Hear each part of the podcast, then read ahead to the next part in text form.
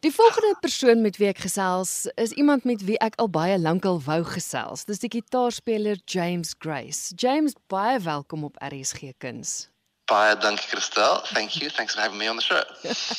nou James sê alhoewel hy getroud is met 'n Afrikaanse vrou, gaan hy wel in Engels antwoord. Jy is welkom James, hoor. Okay, thank you. okay. Ons gaan gesels oor 'n produksie. Julle is te sien in Kaapstad by Theatre on the Bay, maar voor ons by die produksie kom. Jy het by the Royal College of Music in Londen studeer. Hoe het jy daar gekom? Waar het jou pad met musiek begin? Um well, Christel, um like most uh boys or like most um kids, I played guitar, you know, at a, at a, quite an early age. I think I was about eight or nine when I first uh, picked up a guitar. My father um, had a guitar. He played guitar a bit, so there was always a guitar in the house. And you know, I started playing from a quite early age, and it was something I just kind of stuck with. You know, I started on classical guitar. Um, I played acoustic. I played electric. You know, I played all kinds of guitars. Um, but it's the classical guitar, the nylon um, Spanish style guitar that really just uh, kind of resonated with me even from that age. And it's something I just I fell in love with. You know, I can just remember still at, at, when I was that young, um, just picking up the instrument and just, you know, playing it. It's a very easy instrument to make a sound on the guitar. You know, many people will tell you that um, to make a sound on a guitar is actually quite an easy thing. You just the strings are there, you just play them, and you know the thing plays itself. when you start playing electric guitars and, and acoustic and jazz and, and steel strung instruments, you often rely on um, uh, pedals and amplifiers, and there's a lot of man- manipulation that goes into that, actually creating that kind of sound. But with the classical guitar, with the Spanish guitar, you just pick it up and you play it and um, you get this really wonderful, rich, lovely sound, which I something I, I, fell in love with, you know, from that age. So I, I, stuck with it, and of course, you know, starting the guitar at that age, um, I, I, think I developed quite quickly. And I, uh, my dad, you know, got me onto having private lessons. I was, as you mentioned, I was born in England. Um, we actually immigrated to South Africa when I was ten, and by that time, I had already got a few grades under my belt, and I was playing quite proficiently. And I started having lessons with um, the late uh, Dietrich Wagner, who was the guitar teacher at the University of Stellenbosch. And I started having private lessons with him. and you know, going to the Royal College of Music in London was always a dream of mine because it's one of the top places in the world to go, you know, for, for music. And uh, my teacher there, who was uh, Carlos Bonell, was one of the top players. He was one of the best guitarists in the world. And I always wanted to go and study with him. I'd heard his recordings. Um, I, would seen him on TV at that time, you know, before before YouTube was around. And so it was just a real um, a dream of mine to go there. And so I, um, I mean, we, we came. I spent five six years in, in, in South Africa, and then we left to go back to England um, so I could go and study, you know, at the Royal College. And I was there for four years. I did my um, degree there. And it was an amazing time. It was a really incredible time, special time in my life. And, you know, from from there, I've just uh, I haven't really stopped, and here we are now in 2022. Maar jy from the Bay in Cape Town. ja, maar jy het ietsie reg gekry by the Royal College wat sover ek verstaan nog niemand anders kon regkry nie. Dis iets van 'n goue medalje en jy's die enigste kitaarspeler wat nog ooit daai medalje gekry het. Is is ek reg? Reg, Costello. It's the, uh, the, um, the, the Tagore um, Gold Medal, and it's awarded annually to the, they call it the, um, a male student and a female student, who in the college's eyes are not necessarily the best students, but they represent the best of what the college has to offer, and they are seen as being the best ambassadors, you know, for that institution. And so it's not really based on your academic performance or your, um, you know, how good you are. Generally, it's, it's really what you've what you've done in those four years, in terms of what, as I understood it, as I understand it, it's you know what what you've done. Um, uh, collectively with music. You know, you haven't focused on one uh, specific stream. You know, you've you've, and that's what I did at the college. That's what I always tried to do. I tried to do as much as possible. You know, when I went there, because when you're in a place like the College of Music, as I said, it's one of the top places in the world to be. You are surrounded by people who are just at the top of their game. You know, you're surrounded by the top artists, the top instrumentalists, the top composers, the top arrangers, the top musicologists. You know, you're just surrounded by this um, pool of you know intellectual and academic and and technical musical you know excellence, and it's a really inspiring place to be.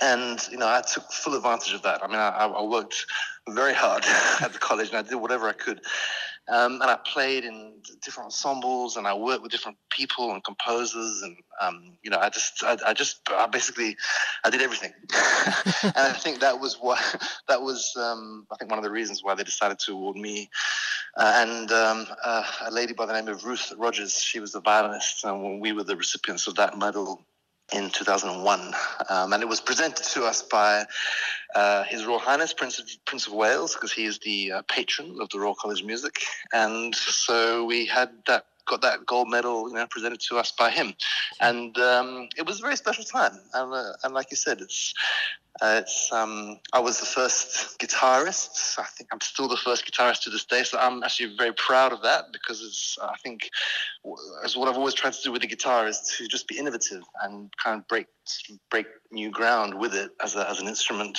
and I think that's a real testament to what I was doing there, you know, at that time at the college. Ja, absoluut. Maar hoe beland jy toe in Doha? Want dit is waar jy is na jy studeer het. That's correct. Yeah.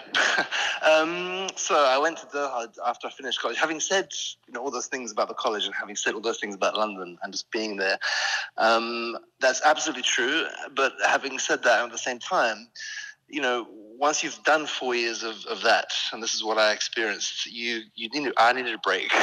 yeah. um, I spent four years in in, in London, um, just really, to, you know, not just not having stopped. And I just felt that you know all of a sudden now you, you graduate and you leave a you leave a place like the Royal College of Music and, and like you know you need time or I needed time to process all this information that I've I've now accumulated I've, I've acquired you know and I mean, people go straight from the college and they, they, they stay on there and they stay in London and, you know, they, um, I know people, I know colleagues of mine who've done that. And it's, I know it, it almost sounds like they're kind of now, they're almost like they're, they're, they're, sort of, they're burning out because they haven't stopped, you know? Um, and I just think that, well, for, for me personally, I needed a bit of time just to process everything I'd, I'd, I'd taken on in that, in those four years. So I was looking to, um, just for something else to do um, in terms of just where somewhere else to be based. I wasn't quite ready to come back to South Africa. Yeah, the plan, my plan was always to come back to South Africa because my family was here. You know, I, have loved, I've loved, always loved South Africa, but I wasn't quite ready to come back yet. So I saw this um, advert for a guitar teacher at a music school in in Doha, in, in Qatar. And, you know, I'd never, that was in just 2001. I'd never heard of Qatar before. I mean, I hadn't really, you know, some, somewhere that really had never had featured on my, on my radar. but I um, found this advert and they were looking for a guitar teacher. It was a, a, music school that had been set up, private music institution, and they were looking for a guitar teacher. So I applied. I thought, well, you know, this, this is exactly what I need. I needed, you know, a, a break. And so then I went and I got this job in Qatar to teach um, mostly expat um, children because music really wasn't offered in the schools over there at that time. I think I believe it's changed a lot now, but at that time, um, you know, they had the, the kids had to take, take private lessons, and so there was a need for a, a music, a private music school, and that's what this um, they had set up there.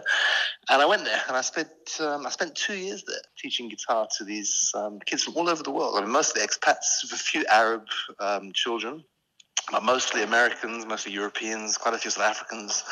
Um, and it was great because, you know, it was teaching, which I've always done, and I've always loved. Um, but it was just a time, I think, more importantly, just to reflect on, you know, as I said, what I've what I've been doing in London, and um, just to try and find uh, an individual voice. You know, what I was trying to actually, you know, where, where was I going? What was I trying to say? And what was I trying to do? And I actually think those two years in Qatar gave me that space to actually reflect and um, and, and actually find a, a new direction for you know for, for what I was trying to do with my life, with my career. And after that, and then I decided, okay, now it's time to come back to Cape Town. I wanted to get something going here. You know, I saw there was a need. I, I, there was a there was a kind of gap, you know, which I identified, and I thought I could actually do something more valuable uh, um, in South Africa than I, perhaps I could offer in in Europe or London, which was already saturated, you know, by guitarists. um, and I thought, you know, there, there was a bit of a, a, a, kind of gap at that time in this country for for what I was doing. So that's when I came back in 2004, 2005. And um, I haven't looked back, Christelle. I'm, I'm still here and I, I love it. And uh, it's really special to actually be doing the kind of work that I'm doing now. And I'm sure we'll talk about this now, but um, the, the, um, the, the, work that I'm doing with these, with the dancers that I work with, uh, the, the, venues that I'm performing, the kind of music, the um, styles that we, that we, that we are, um, we are incorporating. Um, I really think that's a very special thing to be able to do that uh, here in South Africa. Ja, dit is so wonderlik. Ek het in 'n uh, voorverlede week se program met ek gesels met David Bester, die violis. So met wie jy ja, ja, so met wie jy ook 'n produksie het. So dis so wonderlik. Maar ek wil hê ons moet praat oor Romanza.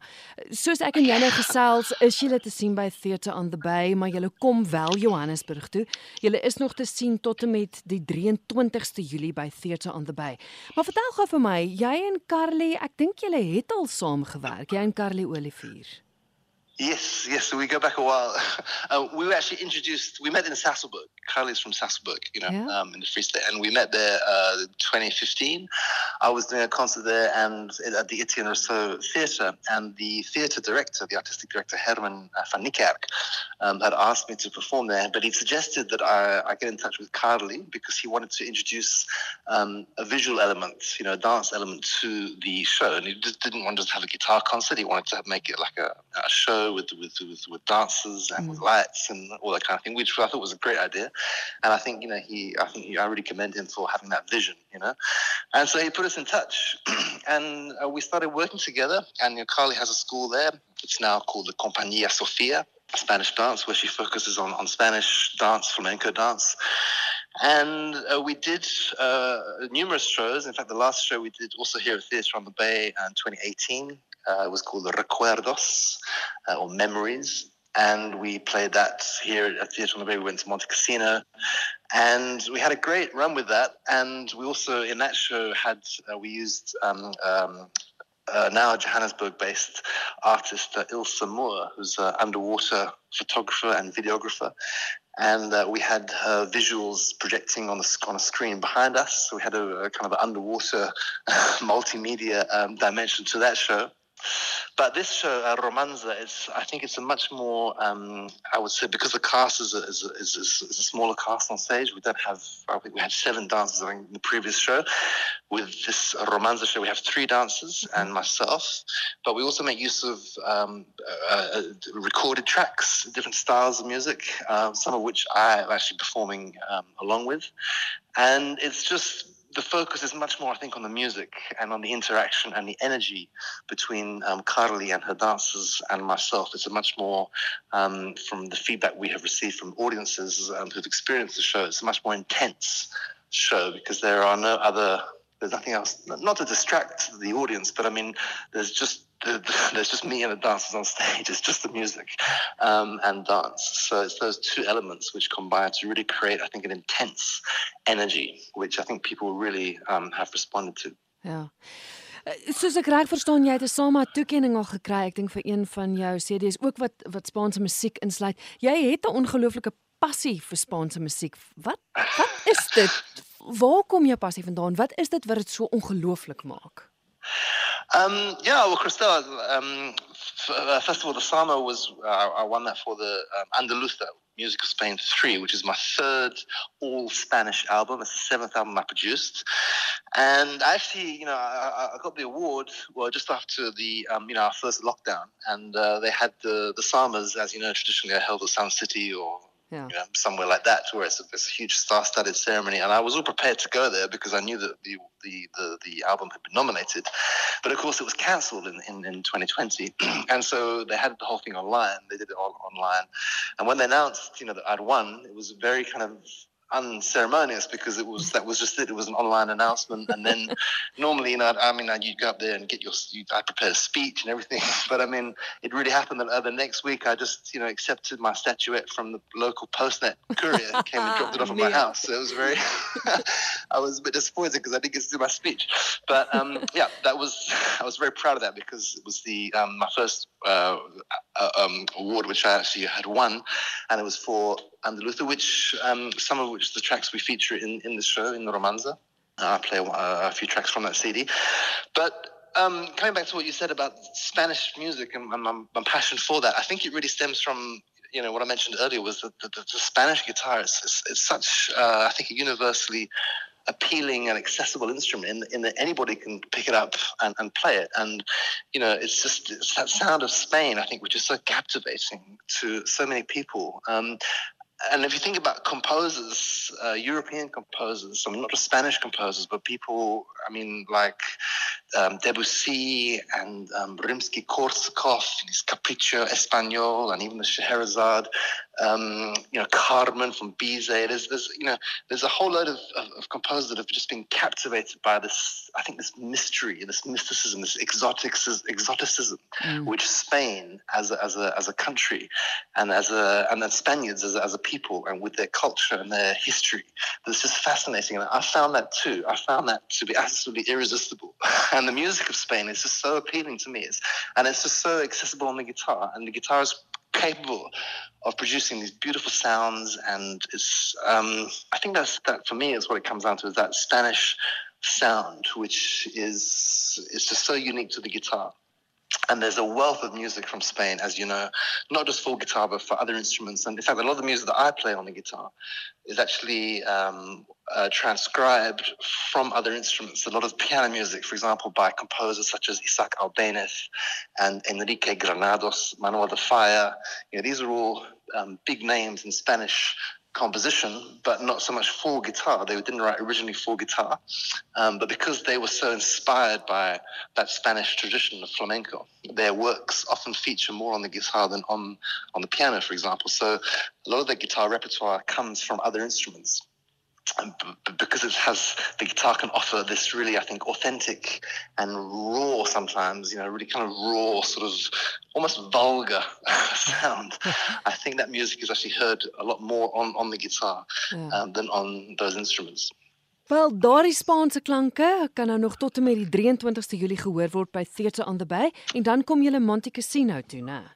That's correct. So we have two weeks in Cape Town and two weeks uh, in Montecasino, the Peter Toerien Theatre in Montecasino, which is a really special place for us because it was the first time, for example, that I actually have um, have played with, with, with the previous show, Recuerdos. I mean, it's the first show that I think even Monte Cassino has staged that you features a classical, well, Spanish guitar. You know, and I was very proud to to be able to do that. You know, we we were very proud to be able to do that, to present that and present the guitar in that setting, you know, in, in, in a place like Monte Cassino, which is traditionally not the traditional, well, not the usual venue for, um, you know, Spanish guitar.